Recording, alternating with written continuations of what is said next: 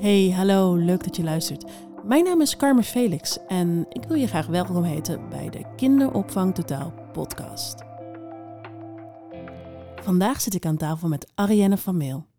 Arienne van Meel was tien jaar geleden interim manager en schreef destijds voor ons een heel populair artikel met de titel Directeuren over de kinderopvangsector in 2024.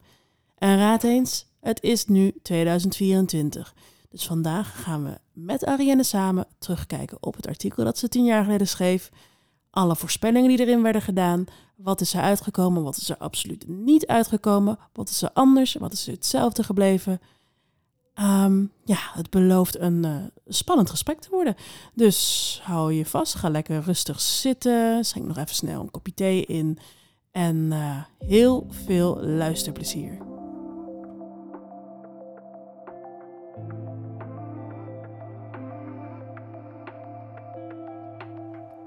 Arienne, welkom bij Kinderopvang Totaal, de podcast. Dankjewel. Leuk dat je hier wil zijn, überhaupt. Uh, voor de luisteraar, wie ben je en wat doe je in het dagelijks leven? Ik ben Arienne van Mil. Ik werk al sinds de vorige eeuw in de kinderopvang. Dus echt al heel veel meegemaakt. Vandaar ook mijn uh, interesse voor uh, dit onderwerp. En um, de laatste 16 jaar werk ik als interim manager, interim directeur. En nou ja, allerlei diverse zaken binnen de sector kinderopvang. En de ene keer blijf ik ergens eens wat langer en de andere keer zit ik ergens weer eens wat korter. Wat leuk. Ja, en je hebt dus tien jaar geleden, 2014, heb je een artikel voor ons geschreven. En um, ja, dat ging eigenlijk over de vraag hoe ziet de sector er over tien jaar uit. En dat tien jaar later is dus nu, 2024. Ja. Um, ik zou willen zeggen in het kort, maar vertel gewoon, wat stond er in het artikel? Uh, veel. ja, dat in het kort laat maar lekker achterwege. Nee, wat stond erin? Uh, weet je, ik heb die, die een aantal bestuurders ge, uh, geïnterviewd, omdat ik natuurlijk op allerlei plekken kwam, allerlei organisaties. En de belangrijkste onderwerpen waar we het over hebben gehad, is de, um, de diverse brancheorganisaties, de IKC-vorming, samenwerking met het onderwijs. Uh -huh de opvang waarin je ziet, je hebt stichtingen, je hebt BV's, en nou ja, diverse vormen, wat dat voor effect heeft. Ja, en, en nog veel meer. Dat komt zo meteen vast vanzelf nog Zeker, ja, want er werden dus best wel wat voorspellingen gedaan, toch? Weet je ook nog welke? Nou, onder andere, wat, uh, hoe is de financiering? Wat is daar wel of niet veranderd? En hoe is de samenwerking met het onderwijs? De ja. vorming van integrale kindcentra, om het maar even zo te noemen. En um, ja, wat is daar wel of niet uitgekomen? Er is nu, uh, wordt nu veel gesproken over, nou, wordt de kinderopvang wellicht een basisvoorziening? Um, al dan niet gratis opvang, maar in ieder geval opvang voor uh, alle kinderen voor een aantal dagen. En dat is iets waar tien jaar geleden hadden we dat niet gedacht dat die optie er zou zijn. Geen enkele bestuurder die zei van nou dat gaat gebeuren. Zeker niet over zulke korte termijn. Kijk, en voordat dat gerealiseerd is, dat zal het nog wel even duren. Maar dat het nu al zoveel besproken wordt en ook bij de overheid had men niet gedacht. Het andere punt, de samenwerking met het onderwijs. Nou, dat is inderdaad, heeft zich veel verder doorgezet. En uh, toen werd er ook gezegd van, goh, gaat het kinderopvang zelf misschien onderwijs uh, bieden? Ik was daar ook wel wat, nou, sceptisch in. En dat gebeurt inderdaad niet. Wat je wel ziet, en meer dan we tien jaar geleden gedacht hadden, is dat onderwijsorganisaties zelf ook kinderopvang erbij zijn gaan bieden. Ja, dat zijn dus best wel wat dingen die, uh, die nu ook weer spelen. En heb jij dat die afgelopen tien jaar echt in de gaten gehouden ook? Want je zit natuurlijk zelf ook in het vak. Ja, ja absoluut. En ook de bewegingen meegemaakt en de gesprekken met uh, de, de overheid, met de gemeenten, ja. met uh, brancheorganisaties daarover. Wat trouwens, want die is ook wel leuk om te noemen, waar we tien jaar geleden echt niet over gehad hebben en wat nu zo speelt, is de, het nou, personeelstekort in de sector. Ja. Want dat kwam het voor in het artikel überhaupt? Ja, het kwam wel voor, uh, maar niet uh, op de wijze zoals het nu speelt. Terwijl het nu echt een hot topic is. Iedereen heeft ja. het erover. Er zijn gigantische wachtlijsten. Er zijn flinke tekorten. Uh, er wordt ook steeds meer gekeken door kinderopvangcentra. hoe Gaan we personeel vinden? Moeten we iets out of the box gaan denken? Uh, er zijn nu natuurlijk sinds begin dit jaar natuurlijk ook meertalige um, kinderopvangen is, uh, is opeens mogelijk. Dus op die manier hopen we ook wat meer andere mensen aan te kunnen trekken. Uh, werd daar op die manier over gepraat in het artikel van 2014? Nee. Nee? Nee. nee. nee ik zal het je nog sterker vertellen. Ik deed toen ook een roosterproject. En ook in dat verband was het veel meer gericht op hoe kun je efficiënt roosteren. We hadden natuurlijk ook een recessie gehad. Hoe kun je, en, en nu denk je daar heel anders over. Als je ook kijkt naar de markt, toen was de markt gericht op de ouders. En nu is de markt ja, heel, ik zeg het wat oneerbiedig, ouders en kinderen. Die vraag is er wel, maar je medewerkers. Ja, dat is waar het om draait nu. Hè? Hoe bind je ze aan je? Hoe hou je ze bij je? En medewerkers natuurlijk altijd belangrijk geweest. En dat blijkt ook uit het artikel. Ik bedoel, de medewerkers, pedagogische medewerkers, dat is het goud van je organisatie. En voor ouders de belangrijkste van hoe, doen de medewerkers, hoe zijn de medewerkers op de locaties. Maar ik denk echt voor de bestuurders en de management, ehm, men moet of kijkt nu anders aan tegen medewerkers dan uh, toen. Toen kon je als uh, bestuurder, directie ook meer bepalen um, dienstroosters, mhm. regels, et cetera. En nu merk je, het is ook een andere generatie, dat medewerkers daar meer en duidelijker eisen in stellen. Ik heb het gevoel dat ze, nee, ik wil niet het woord mondiger gebruiken, maar mensen weten steeds meer wat hun rechten zijn. Um... Nou, ik bedoel het niet eens in wat hun rechten zijn, maar um, mentaliteit is veranderd. Even heel gechargeerd. Ik bedoel, ik zei al, sinds de vorige eeuw werk ik in de sector. Mhm. Vroeger was het uh, fulltime en je was al blij dat je een baan had en wellicht bleef je daar 30 of 40 jaar. Ja. En nu zien we ook bij de medewerkers dat men, nou dat vaste dienstverband, ja, ja de inkomst is belangrijk, maar moet dat bij een werkgever? Dat is al wat minder. Ja.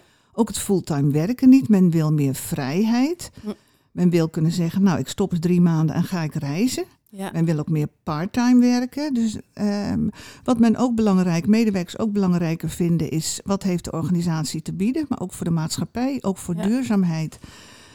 En dat kwam tien jaar geleden veel minder aan de orde. Nee, en dus werd ook, ook helemaal niet besproken op die manier uh, nee.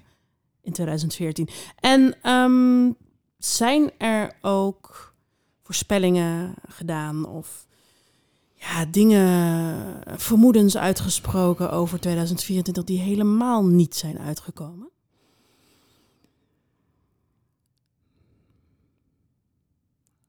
Diepe zucht, een, lange stilte. Diepe zucht. ja, ja, ik wist natuurlijk wel dat je deze vraag ook zou gaan stellen, maar helemaal niet uitgekomen. Nou, er was um, in het artikel was iemand, een bestuurder, die zei van ik vrees, omdat er uh, meer aandacht is voor kinderen ook met een zorg, dat, we, dat dat straks ten nadele gaat werken. Dat je straks kinderopvanglocaties krijgt waar kinderen met een specifieke zorg zitten en mhm. kinderen zorg, zonder zorg. En ik heb hem laatst ook weer gesproken en hij zei gelukkig is dat niet uitgekomen. Nee. En uh, is de sector nog steeds een sector die alle kinderen op wil vangen. Ook eh, segregatie tegen wil gaan. En, maar wat wel gebeurd is, is dat we binnen de sector merken dat er meer kinderen zijn met een zorg of een bepaalde problematiek vergeleken bij in het verleden. En uh, op zich is dat een hele mooie ontwikkeling, want je wil juist, ja, het liefst wil je alle kinderen die, die uh, opvang bieden. Dus dat is ook wel een mooie ontwikkeling. Maar dan bij, om weer naar de richting de medewerkers te gaan, dat die ook zeggen, ja, we hebben er ook wel extra ja, ondersteuning soms bij nodig. Hoe gaan we daarmee om? Ja. En heb jij er zelf gedachten over hoe je daarmee om kan gaan? Nou, Wat, eh, of een oplossing, dat is ook altijd leuk. Ja, nou, oplossing, dat zou heel mooi zijn. Nee, wat ik wel zie gebeuren, en dat zijn mooie samenwerkingen, is dat er een uh, meer samenwerking is tussen de opvang en um, uh, jeugdzorg of andere organisaties die dat gewend zijn. En ook wat een mooie ontwikkeling is, die wil ik nog wel noemen. Dat is tien jaar geleden had ik dat niet verwacht dat het zo'n vaart zou nemen, is dat gemeentes ook steeds meer ondersteunen. Ja. Uh, gemeenten ook het, belang van kinderopvang zien, sowieso. De imago van de sector is, uh, wat dat er gaat, echt enorm verbeterd. Uh, richting um, de, de, overheid en de gemeente. En dat men ziet van ja, wat de kinderopvang ook voor goeds doet. Het is niet meer louter een arbeidsmarktinstrument, maar het is ook echt een ontwikkelinstrument. Ja.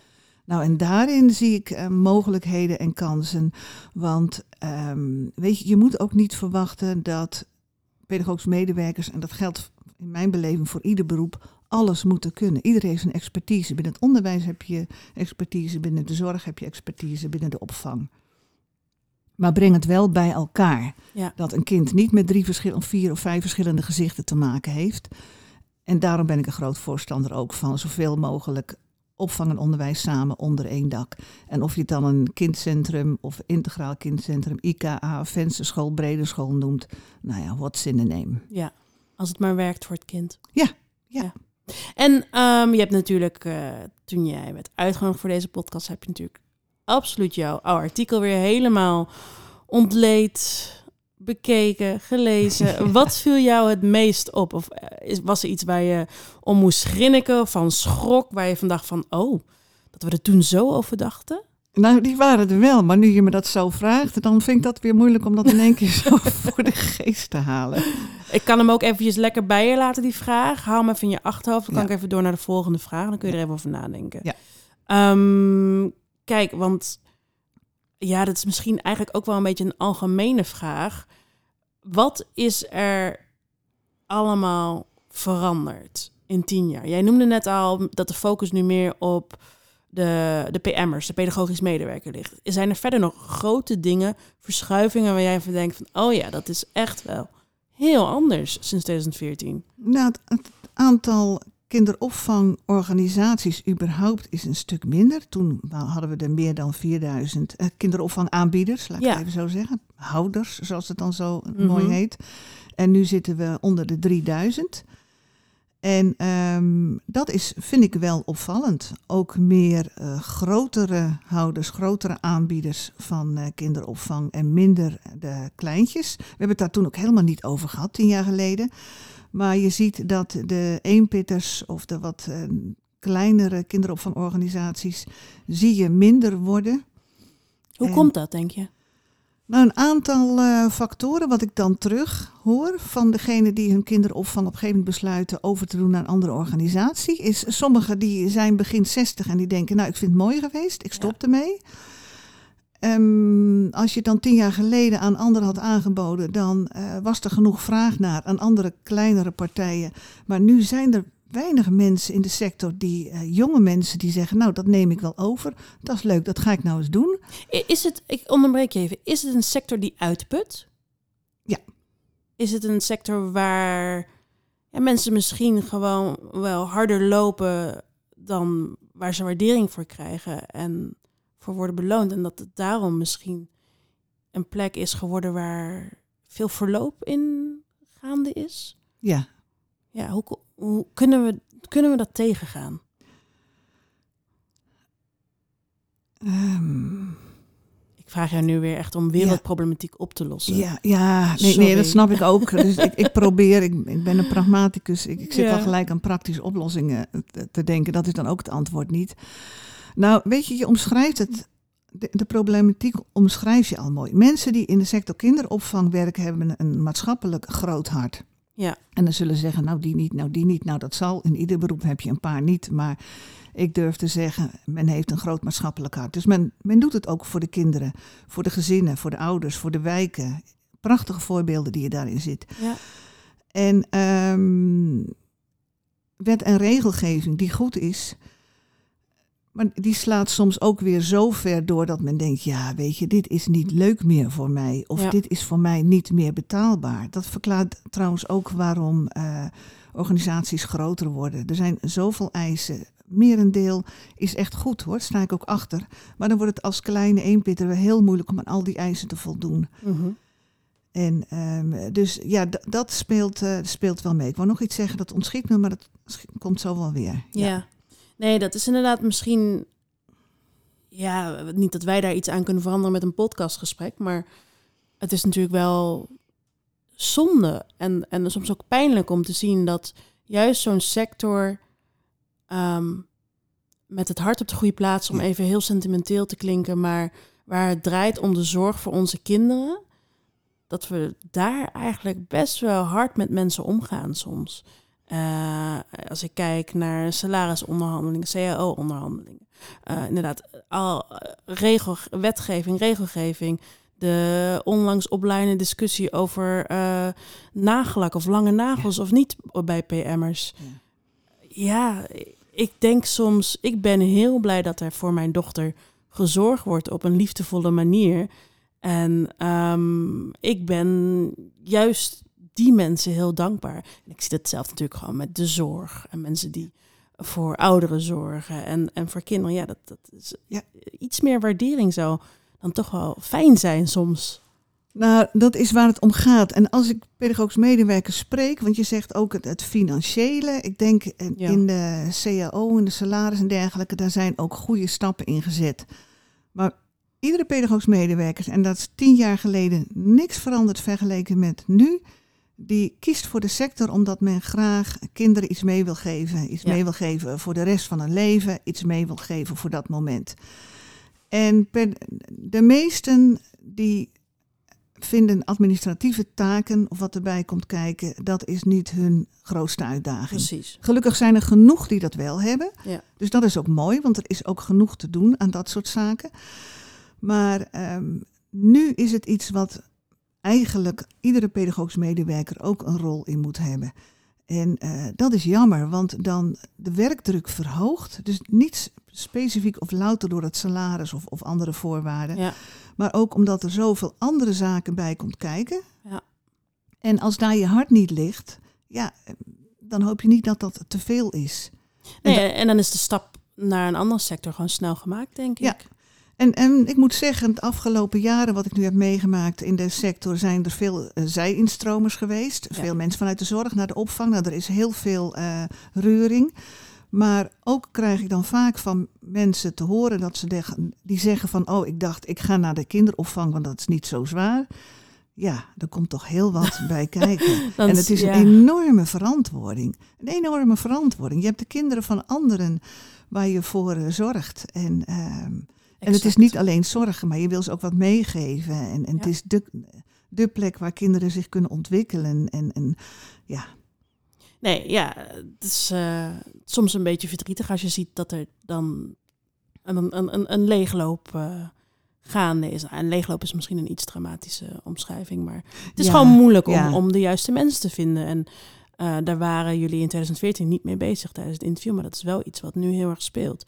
En dan, dat brengt mij meteen bij mijn volgende vraag, want um, een aantal van de bestuurders uh, en directeuren uh, die jij sprak in 2014, die zijn de hele sector uit. Ja. Klopt dat? Ja. Kun je daar iets meer over vertellen? Nou, zes zijn er gepensioneerd. Ja. Dus dat zijn er dan heel wat. En een aantal zijn wat anders gaan doen. Um, sommige vanuit privéomstandigheden of toe aan een nieuwe uitdaging. Er is maar één geweest die zei van nou, in deze sector uh, kan ik mijn ei niet meer kwijt of onvoldoende inspiratie. Dus dat, dat is in ieder geval geen reden geweest om de sector uit te gaan. Nee. En de rest is uh, gebleven. Ja. ja.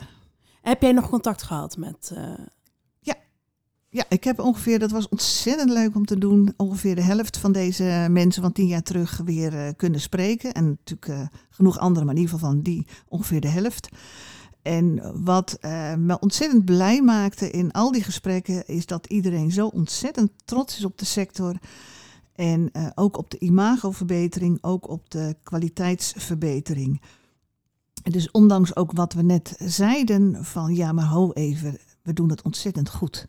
Ja, dat is even een positieve opsteek. Ja, dat, ja, uh, dus. ja, En, um, want je hebt ze gesproken omdat je aan deze podcast uh, mee zou doen? Of heb je ze in een andere situatie... Eh? Nee, de meeste vanwege deze podcast. En dat is wel mooi, want nou, we kennen het allemaal druk, druk, druk. En nergens -hmm. tijd voor. En dit dwingt je dan om uh, eens even te bellen of te teamsen. Ja. En uh, ja, dan was dat, had echt een meerwaarde. Dus dat heeft me ook geïnspireerd om dat toch weer even vaker eventjes te zeggen. Zullen we even een uurtje bijkletsen. En dan uh, hoef je niet ergens naartoe te reizen of elkaar op te zoeken. Maar je ziet elkaar gewoon via Teams. En dat is erg mooi om te doen. Heel inspirerend. Kan ik iedereen aanraden. Ja, heel goed. Het zijn toch collega's, hè? Ja, Ja. Ja, En- dat, dat, oh, die wil ik ook nog noemen. Wat ik ook een mooie ontwikkeling zie, is ehm, de laatste, in de laatste tien jaar hoe ook de kinderopvangbesturen, maar ook onderwijsbesturen meer naar elkaar toe zijn gegroeid. Mhm. En dan luistert er vast wel iemand zeggen, die zegt, nou daar merk je nog niks van. Maar ik denk in mijn beleving en de vele organisaties en gemeentes waar ik mee te maken heb, is dat maar meer naar elkaar toe is gegroeid. Niet meer ik en mezelf en mijn eigen organisatie. Maar gericht, wat kunnen we samen voor elkaar betekenen? Wat is elkaars kracht? En wat hebben dus de kinderen eraan? Of wat hebben, heeft een wijk daaraan? Kinderopvangorganisaties die niet meer per se zeggen: ik ben de enige die hier ben, die hier nu in deze regio is. Elkaar af en toe eens wat gunnen. En dat vind ik ook een hele mooie ontwikkeling om te En, zien. en hoe is dat zo gekomen, denk je? Ja, ik denk dat toch de, een stukje mentaliteitsverandering. Ehm, toch ook in die tien jaar is er wisseling geweest, ook eh, binnen besturen, binnen het onderwijs. Wellicht de maatschappij die daarin verandert. Ik noemde het net ook bij de jongeren. Je hoort vaker bij jongeren wat heeft een organisatie mij te bieden. En niet alleen qua salaris, ook maar qua duurzaamheid of qua visie. Ja, Dus ehm, ja, secundaire voorwaarden, natuurlijk ook altijd leuk. Ja, ja, ja. ja. En ehm, je hebt dus eigenlijk een, eh, een rondje eh, oude bekenden gesproken eh, onlangs. Heb jij met hen ook vooruit durven te kijken? We, we zijn natuurlijk begonnen in 2014, we zijn nu in 2024. Heb jij toevallig ideeën over waar de sector in 2034 staat? Ja, dat hebben we gedaan. En we kwamen sowieso al tot de conclusie, ja, moet je wel tien jaar vooruit kijken. Is leuk om te doen, dat doen we ook.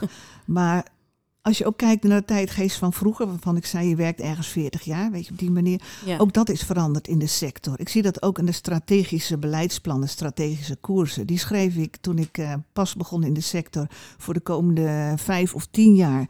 Nu is drie tot vijf jaar al lang, hè? ja. Maar goed, dat maakt niet uit. Tien jaar vooruitkijkend, dan uh, iedereen verwacht dat er nog steeds een uh, personeelstekort is binnen de sector. Oh ja? Ja, en um, sowieso is er natuurlijk sprake van uh, vergrijzing. Dat betekent dan ook wel wat minder aanwas van uh, jonge kinderen voor de kinderopvang. Maar aan de andere kant, als je toe wilt naar kinderopvang voor alle kinderen, een recht van opvang, dan is er sowieso een personeelstekort. Dus um, raak uit de waan van de dag van hoe gaan we het nu oplossen, hoe gaan we het volgende week oplossen. Nee, besef gezamenlijk dat we personeelstekort hebben, dat we daarmee te dealen hebben. Dus hoe gaan we het dan inrichten? En dat vind ik ook wel mooi, want dat geeft toch een soort positieve drive ook aan het geheel om je daarop voor te bereiden. Mm-hmm. En dan kwamen er ook ideeën van uh, nog beter samenwerken met de, de ROC's, met opleidingen. Ja. Ook de combinatie. Je hebt de PABO, je hebt de kinderopvang. Het is veel te gescheiden van elkaar. Ja. En dat, in hoeverre kunnen we daar meer de verbinding in zoeken? Zeker MBO, HBO. Iedereen moet zijn talenten tot recht kunnen laten komen. Maar wat kunnen we daar meer in? Ja, en, en hoe um, maak je de sector weer interessant voor nieuwe, jonge, uh, uh, nieuw jong personeel? Ja, ja. Nou ja, en in die zin loop je natuurlijk altijd achter. Hè? Op een gegeven moment hadden we uh, fix wat jaren terug van er zijn te veel pedagogisch medewerkers. Dus dan gaan er minder mensen de opleiding doen. Mm-hmm. En nu zeggen we er, te er zijn te weinig, er kunnen meer bij komen. Dus in die zin loop je altijd wat Ja. achter. Maar weet je, als je ook ziet uh, de, de, uh, de kwaliteit of de kwaliteitseisen voor pedagogisch medewerkers is in de loop der jaren wat bijgesteld. Ook zeker voor de medewerkers die op de buitenschoolse opvang werken. Ja. Je hebt nu ook bepaalde, als je bepaalde certificaten, diploma's hebt, mag je bijvoorbeeld wel op de buitenschoolse opvang, niet op het kinderdagverblijf. Ja. Nou, er ligt nog een hele markt. En er, liggen nog, er zijn nog zoveel kansen van mensen die dat zouden willen. Een, vakdocent in het onderwijs, anderen die, zo, die dolgraag daar meer zouden willen betekenen in de Meer buitenschoolse opvang. omscholing. Nou, omscholing is niet eens het juiste woord. Meer uh, combineren. Ja. En ja, wat- want hoe zie je dat in 2034? Ehm, eh, ik neem aan, laten we hopen dat eh, de overheid dan rond 2034 heeft geregeld dat kinderopvang eh, gratis tussen haakjes eh, Mhm. is. En desondanks of juist doordat misschien meer mensen kiezen voor opvang, dus een personeelstekort, wederom, of nog steeds. Ehm, er zijn ook mensen die zeggen, laten we ehm, ehm, die voorwaarden flink versoepelen. Ook gewoon voor de kinderopvangmedewerkers. Wat vind jij daarvan?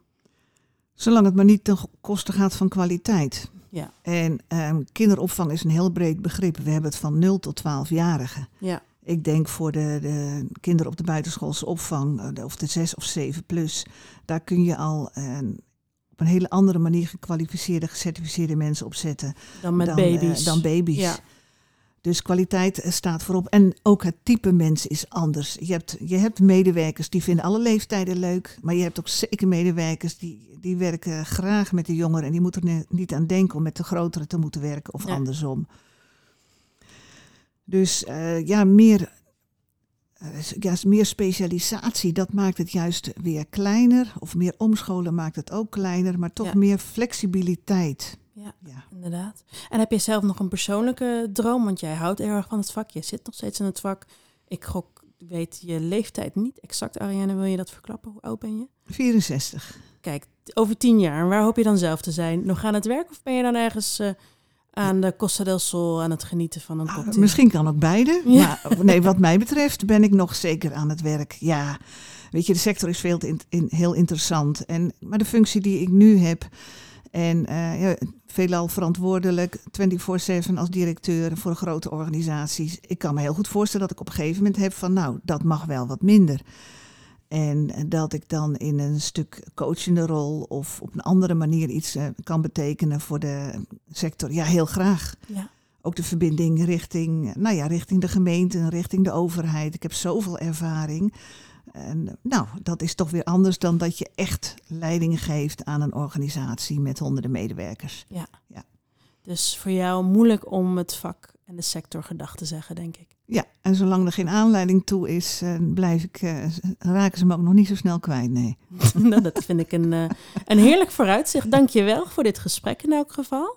Nou, graag gedaan. Ik vond het heerlijk om je hier te hebben. En En nodig me gerust over tien jaar weer uit. ja, dat is misschien wel een goed idee. 2034. Ja joh. Gaan we doen. Zie ik je dan. Oké, tot dan. Dag.